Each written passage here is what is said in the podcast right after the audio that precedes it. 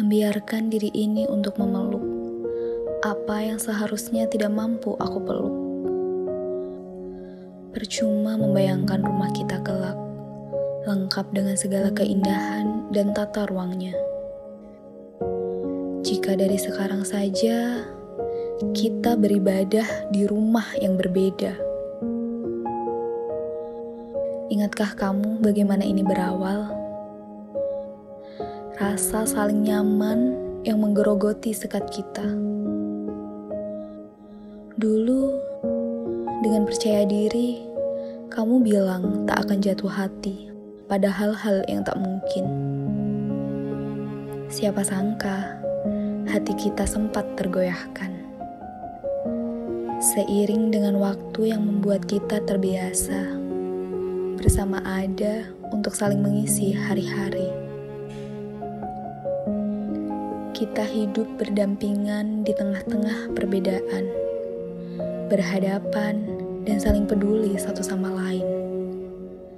Sementara kenyataan tak berani menjamin kita menyatu. Tuhan Maha Romantis menciptakan cinta untuk menyatukan perbedaan, meski ada yang harus terpisah karenanya.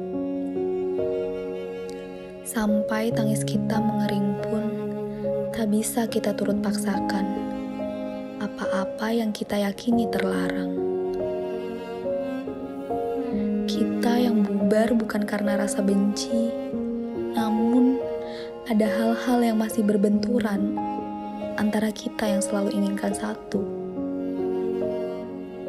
Mungkin sejak sekarang kita mesti berhenti saling membicarakan masa depan kita yang jelas-jelas belum ada gambarannya. Kerelaan menjadi asupan paling pas demi menunjang bahagianya kita dengan keyakinan masing-masing.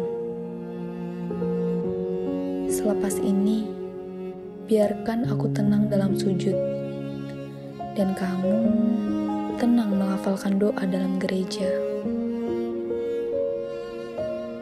Percayalah, ada kebaikan yang sedang menunggu ketika kita menerima kata hati masing-masing, termasuk mengikhlaskan yang semestinya.